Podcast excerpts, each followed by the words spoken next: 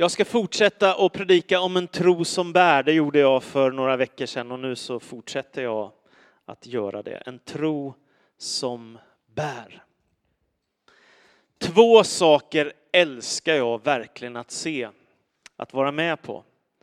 Det första är, jag älskar att vara på bröllop. När man och hustru vigs tillsammans till ett. Det tycker jag är alldeles fantastiskt. Då kanske någon kommer att tänka på en bröllopsfest och någon som ska hålla tal som säger ungefär så här. Jag är ingen talare, men jag tänkte hålla ett tal eftersom min fru är syssling till brudens kusin. Ungefär så. Det, det, det, är inte så roligt att lyssna på, eller hur? Det händer nästan alltid, men eh, det var inte det jag tänkte på, utan det jag tänker på med bröllop och med vigslar, det är själva gudstjänsten när mannen och kvinnan säger ja till varandra och bestämmer sig för att dela sitt liv med varandra. Det tycker jag är alldeles underbart vackert. Och så har jag tänkt på, att när man gör det så brukar man klä sig i vita kläder. När man ska vigas samman som man och kvinna. Vita kläder. En symbol för renhet och kärlek och överlåtelse till varandra. Då klär vi oss så för att ge oss till varandra i äktenskap. Det andra som jag älskar att vara med om det är när det är dop i vatten. Jag tycker det är så oerhört vackert.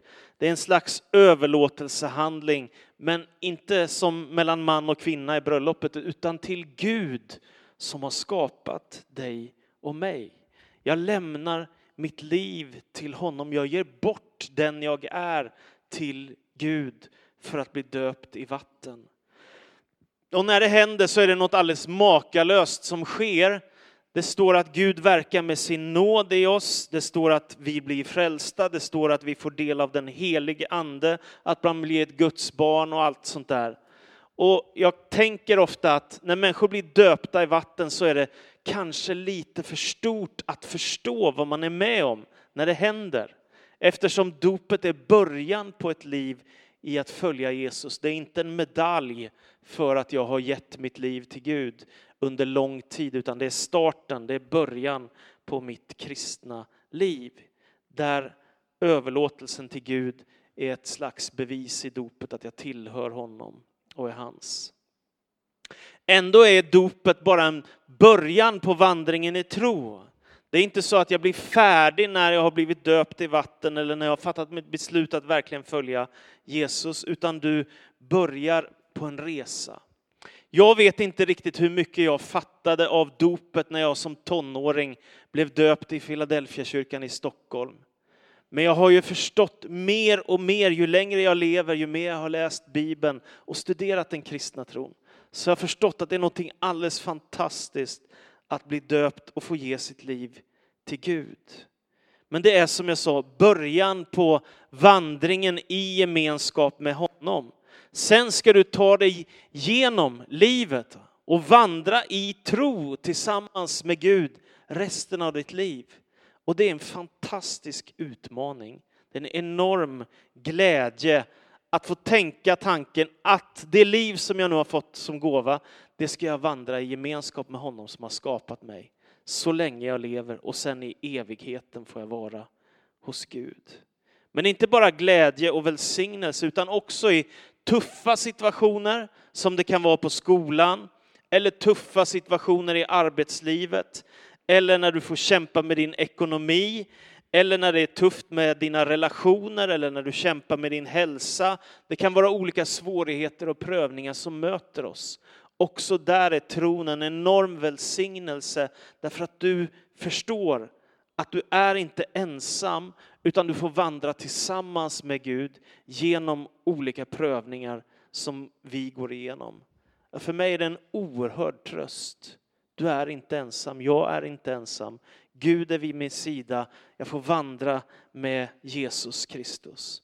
Och oavsett hur dina livsomständigheter ser ut så tänker jag att det största äventyr som en människa kan ge sig ut på, det är att bestämma sig för att följa Jesus och ge hela sitt hjärta till honom. Att inte hålla tillbaka, utan bara säga Herre, ta hand om mitt liv, jag vill följa dig. Det är ett fantastiskt äventyr. Det är en resa som startar med tron och dopet och som fortsätter, som aldrig någonsin tar slut. Du vandrar med Guds son. Det är fantastiskt.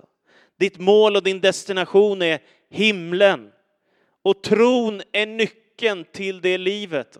Tron på Jesus Kristus. Och när du sätter din tro till honom så tänker jag att ditt liv blir så mycket större. Du får tillgång till Guds rike och du får börja leva och vandra i tro. Och jag vill ta med dig till Hebreerbrevets elfte kapitel. Hebreerbrevet kapitel 11 och från vers 1 där trons kapitel finns i Nya Testamentet. Då står det så här, Hebreerbrevet 11 och 1. Tron är grunden för det vi hoppas på. Den ger oss visshet om det vi inte kan se. För sin tro fick fäderna Guds vittnesbörd. I tro förstår vi att världen har formats genom ett ord från Gud och att det vi ser inte har blivit till ur något synligt. I tro bar Abel fram ett bättre offer åt Gud än Kain och fick vittnesbördet att han var rättfärdig. Gud vittnade själv om hans offer och tack vare tron talar han ännu fast han blev dräpt. I tro togs Henok härifrån så att han inte behövde se döden. Man fann honom inte mer, till Gud hade tagit honom härifrån. Dessförinnan fick han vittnesbördet att han hade funnit nåd hos Gud. Utan tro kan ingen finna nåd hos honom. Till den som vill nalkas eller närma sig Gud måste tro att han finns och att han lönar den som söker honom.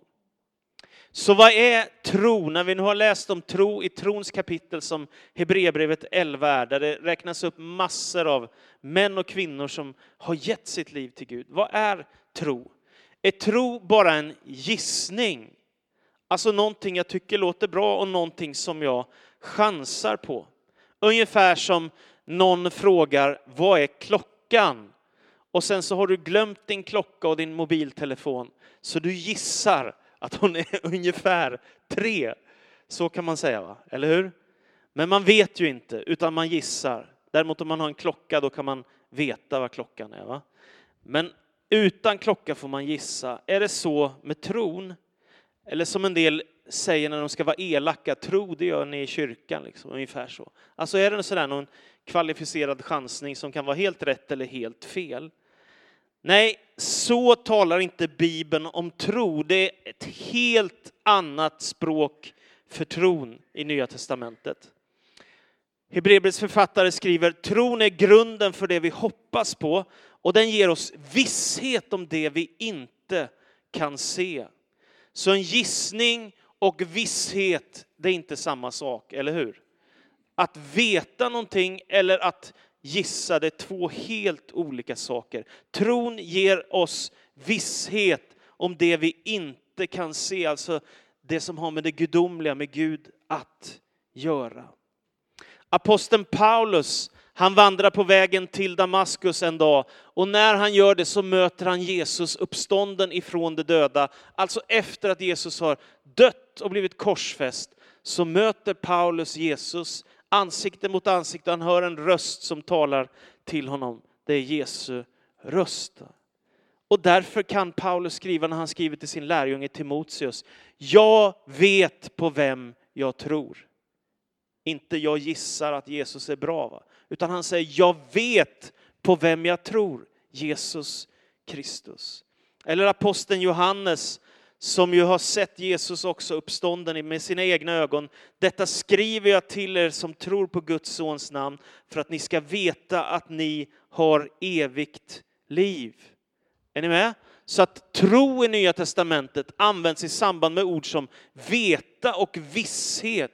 Det är jättestarka ord. Va? Och när man läser, jag sa det förra gången när jag predikade om det här ämnet, när man läser om orden på grekiska i Nya Testamentet, vad det betyder, så står det saker som fasthet, säkerhet, pålitlighet, trofasthet, förtröstan, vara säker, lita på, övertygelse, trohet och hålla för sant.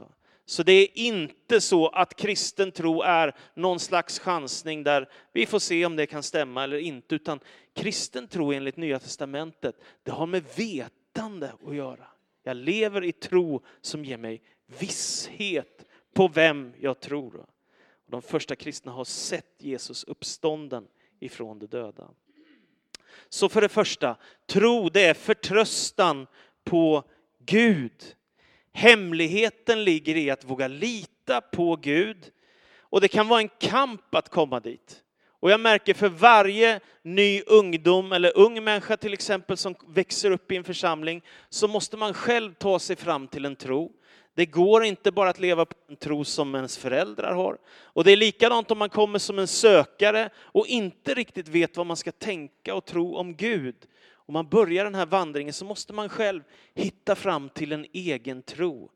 Det går inte att ärva någons annans tro utan man måste ha en egen övertygelse. Det finns en fantastisk berättelse i Markus evangeliets nionde kapitel. Och där berättas om en pappa som har en son som har på något sätt blivit utsatt för okulta och har blivit besatt. Det är en väldigt tragisk berättelse. Och då kommer han till Jesus med den här pojken och så säger han, förbarma dig över oss och hjälp oss om du kan. Och Jesus svarar då, om jag kan. Allt är möjligt för den som tror. Då ropade pojkens far, jag tror, hjälp min otro.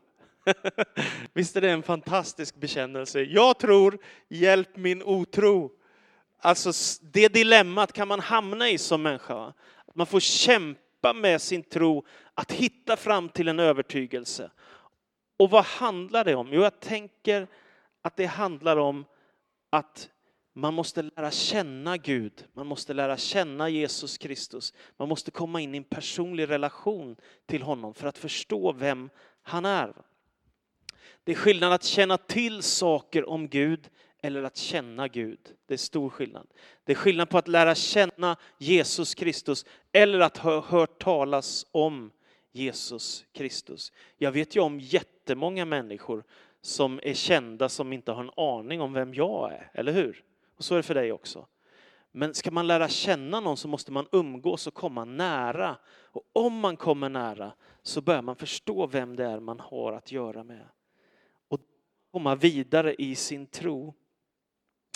Charles Stanley som är pastor i en fantastisk kyrka, baptistkyrka i USA, han har sagt att tro är en övertygelse att Gud är den han säger sig vara och att han kommer att göra det som han har lovat. Detta är tro. Alltså det som Gud säger sig vara, den han är och det han har lovat att han ska göra. Det är det som tro är, att våga lita och förtrösta på Gud och på hans godhet och storhet. Om man gör det, då kommer man in i en stark relation till honom. Jag fann den tron redan när jag var tonåring och jag är så oerhört tacksam för det. Jag fick en stark förtröstan, tillit till Gud. Och jag tror att jag i hela min barndom hade anat att Gud finns och att det är något alldeles speciellt med Jesus. Men när jag beslutade mig för att följa Jesus, då hände något nytt i mitt liv. Och jag är så oerhört tacksam för det. Det var då jag också blev döpt i vatten och bestämde mig för att följa honom. Och Gud började välsigna mig och han fyllde mig med sin helige ande. Och jag började få andliga gåvor. Jag fick en längtan att följa och tjäna honom. Jag är så tacksam för det. Tro, det är att våga förtrösta på Gud. Men tro är något mer än så. Tro är för det andra att upptäcka en större värld. Tro är inte att bli en liten människa, att gå under ett ok av religiositet och tråkighet och se allmänt sur ut. Va? Han, Christer Lindberg han sa att en del kristna det ser ut som de har blivit döpta i ättika. och det är inte det som är kristen tro, utan kristen tro det är glädje, det är välsignelse, det är hopp, det är kraft, det är mening, det är att upptäcka en större värld. Och jag tänker så här att om man blir kristen, då öppnar man dörren till Guds rike för sig själv. Och det betyder att man får med himmelrikets krafter att göra. Det betyder att man får kontakt med honom som har skapat universum. det gör knappast en människas liv mindre. Det gör en människas liv oerhört mycket större. Däremot är livet väldigt litet om man väljer att inte ha med Gud att göra, för då är det bara du och ditt och en kort resa under några år och sen är allt slut. Men om du upptäcker trons värld så kommer du få känna, wow, vilken känsla att få tillhöra Gud. Vilken oerhörd insikt att jag får vara ett barn till honom som har skapat allt. Vilken fantastisk bekännelse att få tillhöra Jesus Kristus som Herre och Frälsare. Vilket hopp jag har att Gud en dag ska segra över allt det onda och att det inte finns något som han inte kommer att segra över. Så att hans goda rike till sist, ska bryta fram helt och fullt. Så att lära känna Gud, det är att träda in i en större värld. Ditt liv blir mer rikt om du öppnar den här boken och lever i den och tar till dig budskapet som finns där. Då kommer din värld att bli större. Och dessutom, det är fantastiskt, du får systrar och bröder över hela världen. Svante och Anette berättar precis idag om Bangkok och de ska berätta mer sen här också för oss andra som vill lyssna. Och där, finns, där har vi kristna människor som vi jobbar tillsammans med. Och tänk att det finns i Afrika och i Latinamerika och Nordamerika och Australien och så vidare. Det finns människor som känner Jesus nästan överallt. Och det är dina systrar och bröder. Det är fantastiskt. Du kommer in i en väldigt stor värld. Miljontals kyrkor finns det över hela världen av människor som bekänner samma sak som du, att Jesus är Herre. Tro är också en relation. Man kan inte leva med Gud utan att gå in i en personlig relation med honom. Det behöver man göra. Så därför skriver Hebreerbrevets författare, den som vill nalkas, ett gammalt ord, närma sig Gud, måste tro att han finns och att han lönar dem som söker honom. Så man behöver komma i tro. Och hur växer den här tron fram då? Jo, den växer fram genom att man får höra evangeliet som är ett glädjebudskap. Den växer fram genom att du börjar läsa Bibelns budskap och frälsningshistoria. Den växer fram när du börjar dela din tro med andra människor som också är kristna. Den växer fram när du firar gudstjänst och får lyssna på predikningar, vara med på bönesamlingar eller vad det nu är. Så den som vill närma sig Gud måste tro att han finns och att han lönar dem som söker honom. Och det finns enorma mängder av kristna. Det är den största tron som finns i hela världen. Så det är inte direkt så att det är några få som håller på med det här, utan vi är fruktansvärt många som bekänner Jesus som Herre. Om du vill fördjupa sig i din tro så behöver du sätta av tid för Gud. Det går inte att lära känna Gud på djupet utan att ägna tid för honom. För mig är det en sån enorm välsignelse till exempel varje gång jag får förbereda en predikan. För jag vet att det kräver kanske en dags förberedelse av mig. Att läsa, att be, att söka Gud, att bläddra i Bibeln och, få, och ta fram texterna och få tid bara att vara inför Gud och få vara med hans ord. För mig är det en sån enorm lycka och glädje att få hålla på med detta. Att lära känna honom som har skapat allt. Man behöver ta tid. Det kan inte, alla har inte förmånen som jag, så att man på betald tid kan gå på ett bönemöte. Det, det, så har vi inte förutsättningar alla. Men jag tror att vi alla har förutsättningar att på något sätt se till att vi i vår vardag faktiskt får tid för Gud. Och jag tror att det är på väldigt många olika sätt. När jag var ung var det många som sa gör så här och så försökte alla göra likadant och märkte att det funkar inte. Utan jag tror att vi är olika. En del tycker väldigt mycket om att läsa, då kan man studera Bibeln och man kan läsa andlig litteratur och fördjupa sig i tron på det sättet. Andra älskar att be och tycker om att tala med Gud eller att skriva ner böner eller läsa saltarens böner. Andra tycker om att vandra i naturen och bara se Guds godhet och skönhet i skapelsen och umgås med Gud. Och en del kommer på alla gudstjänster, en del går på bönemöten och en del, ni vet. Alltså det finns olika sätt. Det viktiga är att du gör någonting för att närma dig Gud och söka en relation med honom. Och vägen till Gud går genom Jesus Kristus. Det är inte så att det finns många vägar till Gud enligt Nya Testamentet. Utan Nya Testamentet säger att Jesus Kristus är enda vägen till Gud. Däremot så tror jag att det finns tusen vägar till Jesus. Människor kan ta sig fram till Jesus på hur många olika sätt som helst. Varje människa har en unik resa till Jesus. Men det är Jesus som är enda vägen till Gud enligt Nya Testamentet och kristen tro. Alltså det är bara han som har offrat sig för oss. Det är bara han som kan frälsa oss.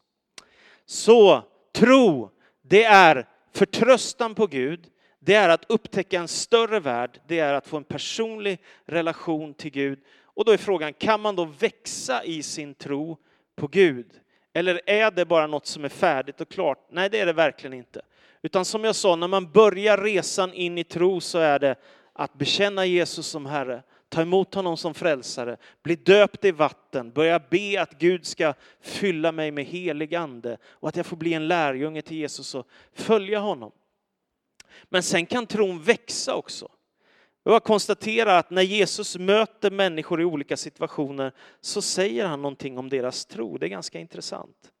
Om man läser till exempel när lärjungarna är med om när Jesus stillar stormen, när de är i en båt tillsammans med Jesus, så säger han ju tig var stilla och så blir vattnet helt lugnt. Och det här är precis i början av, av resan med, med Jesus Kristus för lärjungarna, så de har inte riktigt förstått vem han är.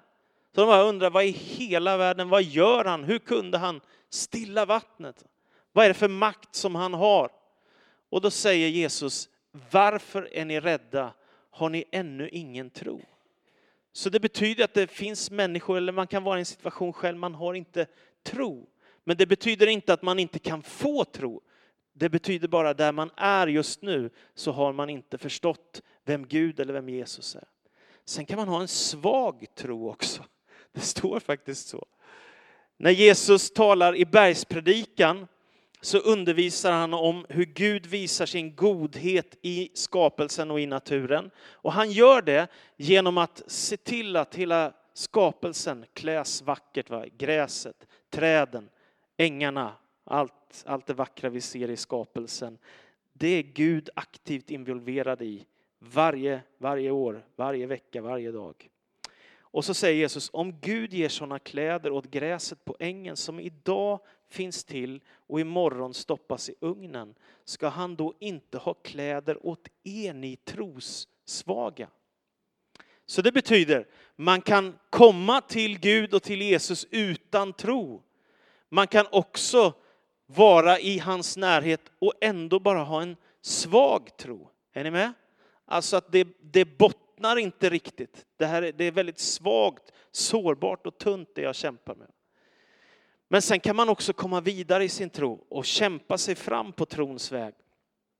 Jesus säger till Simon Petrus innan de går till Getsemane och innan Jesus ska dö på Golgata kors för våra synders skull och gå igenom sitt lidande.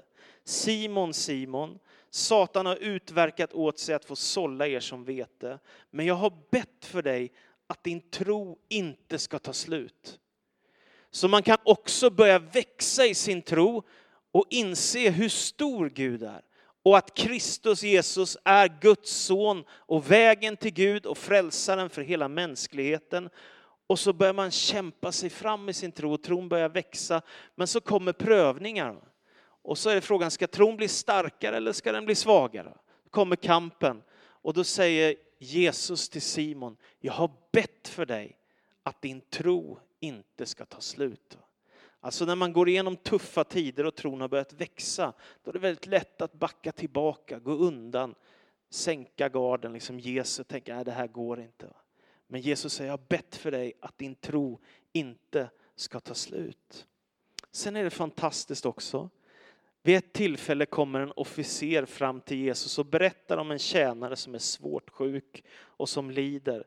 Och så säger han till Jesus, Herre, jag är inte värd att du går in under mitt tak, men säg bara ett ord så blir pojken frisk. Jesus blev förvånad och sa till dem som följde honom, sannerligen inte hos någon i Israel har jag funnit en så stark tro. Är ni med? Så det är uppenbart, trots att Jesus Kristus är bland alla de här människorna som jag nu har nämnt så kan det finnas människor som inte har tro, eller människor som har en svag tro, eller människor som har en kämpande tro. Så Kristus får be för oss att tron inte ska ta slut. Eller så kan man börja få en stark tro i sitt liv. Det är väl underbart? Tänk att få ha stark tro på Gud, stark tro på Jesus Kristus. Jag tänker att Jesus, han är det hopp som vi har. Och när människor kämpar med sin tro och vacklar med sin tro, vad beror det på? Jag tycker det var väldigt intressant, en författare som heter Alistair McGrath, han skriver så här. Tvivlet är också en inbjudan att växa andligen, för det kan vara ett tecken på en försummad tro, en tro som tagits för given och inte givits näring att växa. Det tyder på en sårbar tro. Vi behöver ständigt bearbeta våra relationer och befästa och fördjupa dem. Och det gäller även vår relation till Gud. Så när människor kämpar med sin tro och brottas med sin tro så kan det också bero på att man har gett den för lite näring. Alltså det vet ni själva, om vi har en växt hemma, en blomma som vi inte vattnar, så kommer den ganska snabbt att slokna och vissna. Och på samma sätt kan det också vara för den som inte tar sin tro på allvar, inte söker sig nära Gud. Varför vacklar tron? Jag tänker att när man tappar bort bönen till exempel, slutar be, inte ger Gud utrymme, då är det lätt att vackla i tron. Eller när vi glömmer bort som troende att Gud har välsignat oss och lägger vårt fokus på allt som är svårt, allt som är problem, då är det lätt att tron vacklar. Eller när vi fattar dåliga beslut i vårt liv och tappar bort Guds vilja och väg för oss som individer, då är det lätt att tron vacklar. Eller när vi har fokus på alla problem och svårigheter istället för Guds godhet och trofasthet, då är det lätt att tron vacklar. Men jag tänker att Jesus Kristus, han är vårt hopp, han är vår frälsning. Han har lovat vara vid vår sida dag efter dag. Och jag tänker så här, det är möjligt att det kostar mycket att leva i tro och följa Jesus. Men det kostar väldigt mycket mer att inte göra det. Varför då? Därför att om du inte lever ditt liv i tro, då har livet inget slutligt mål, det finns ingen högre mening och det finns inget hopp om en himmel och det finns inget så här, jag ska ge mitt liv och det kommer aldrig någonsin ta slut, utan det är här, den här sträckan som du får som människa, det är allt. Därför är för mig tron så fantastiskt stor. Jag har berättat någon gång förut om, jag satt vid en gammal pastors dödsbädd han hette Gösta Håkansson, han var pastor i Skåne i 20 år tror jag och på en del andra platser också. Jag tyckte så otroligt mycket om honom. Han var en sån kärleksfull och fin människa. Satt där tillsammans med en pastorskollega som hette Pelle Hörnmark tiden när jag jobbade i Jönköping. Och så, jag har berättat det någon gång förut, så frågade Pelle Gösta, hur är det nu då? Hur är det nu? Och då sa han två ord bara som jag bär med mig och aldrig kommer glömma. Han sa bryggan håller. Bryggan håller. Och det var en liknelse för honom att säga tron bär mig också nu när livet är riktigt tufft. Bryggan håller. Det tycker jag är en oerhört vacker bekännelse i tron. Hur får man stark tro till sist då? Hur i hela världen får man en stark tro? Och hur kan man leva i en stark tro? Ja, livet är en blandning av framgång och motgång, av segrar och misslyckanden, av underbara tider och tuffa tider. Och genom allt, om man vårdar sin relation till Gud, om man vårdar sin närhet till Jesus Kristus, om man lever i hans ord och i hans löften, så tänker jag att man har någonting att stå på. Det finns ett ord ett tilltal ifrån Gud att leva på. Och lyssna till Guds löften. Vi vet att Jesus Kristus är med oss alla dagar. Vi vet, om vi tar emot Jesus, att vi tillhör Gud och är hans barn. Vi vet att vi är nya skapelser i Kristus Jesus, och att han gör något nytt när vi tar emot honom.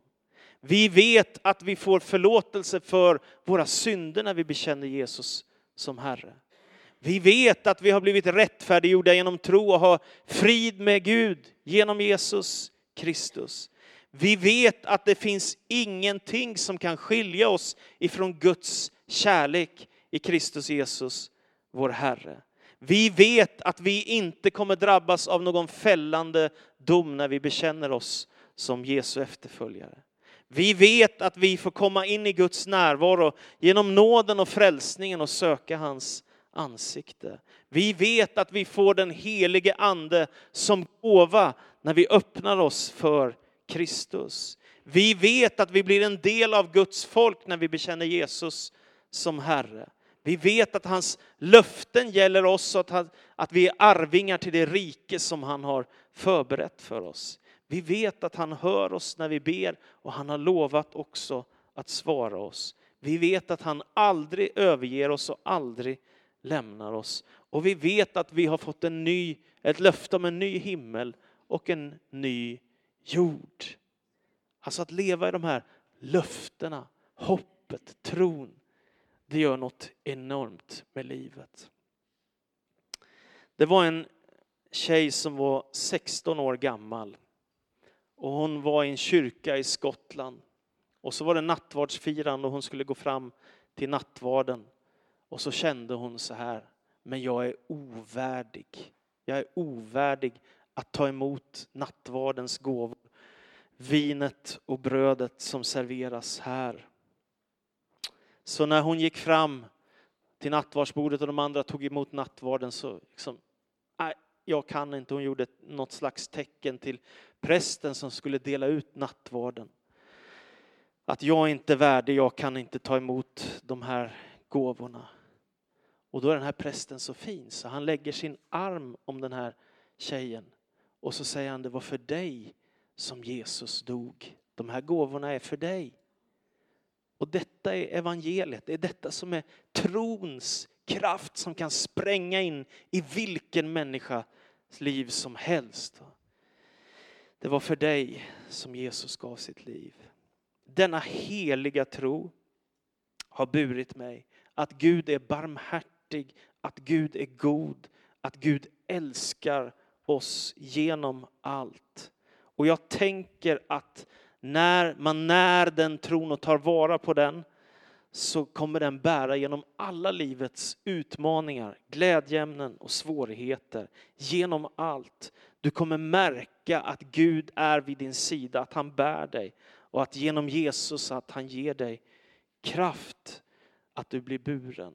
Och då tänker jag det sista jag säger, att det inte är din tro som bär dig till sist, utan till sist är det Gud som bär dig för att du tror. Är du med? Det är inte du som bär upp tron utan det är Gud som bär upp dig. Men du behöver bekänna Jesus som Herre. Öppna ditt hjärta i tro och leva av tro och i tro så kommer Gud att vara med dig alla dagar. Amen. Jesus Kristus, så ber jag att vi skulle få leva i tro, vandra i tro, handla i tro. Oavsett hur livets omständigheter är, Herre. Du vet att några av oss, Herre, kanske är i livets gladaste dagar och några andra kämpar med tillvaron, Herre. Vi har så olika tider i livet, Herre. Olika förutsättningar, olika dagar. Men jag tackar dig för att vi får vandra i tro och tack för att vi får söka denna starka tro som kan bära oss igenom alla livets olika omständigheter. Och jag ber om helig andes kraft och välsignelse när vi nu ska lovsjunga dig och tillbe dig och få en tid här av överlåtelse till dig. Tack för att du hör bön och tack för att du möter med oss. I Jesu Kristi namn. Amen.